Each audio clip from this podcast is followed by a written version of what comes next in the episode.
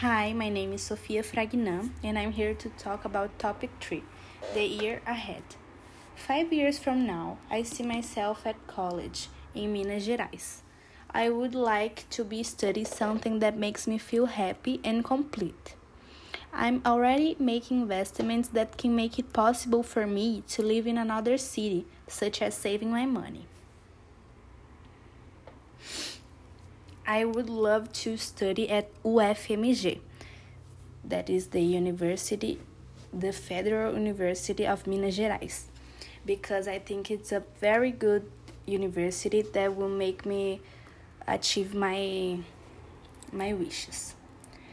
Uh, five years from now, I see myself and my boyfriend really happy. I I want us to stay together and complete our achievements.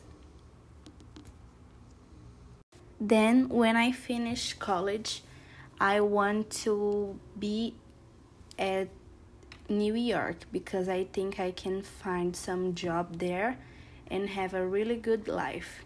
I wish to live in New York because I think it's gonna be a great place for me to uh, interact with another cultures and to meet new people. I also want my boyfriend to go with me to New York, but if he don't doesn't want, it's okay because he can stay. And that's it.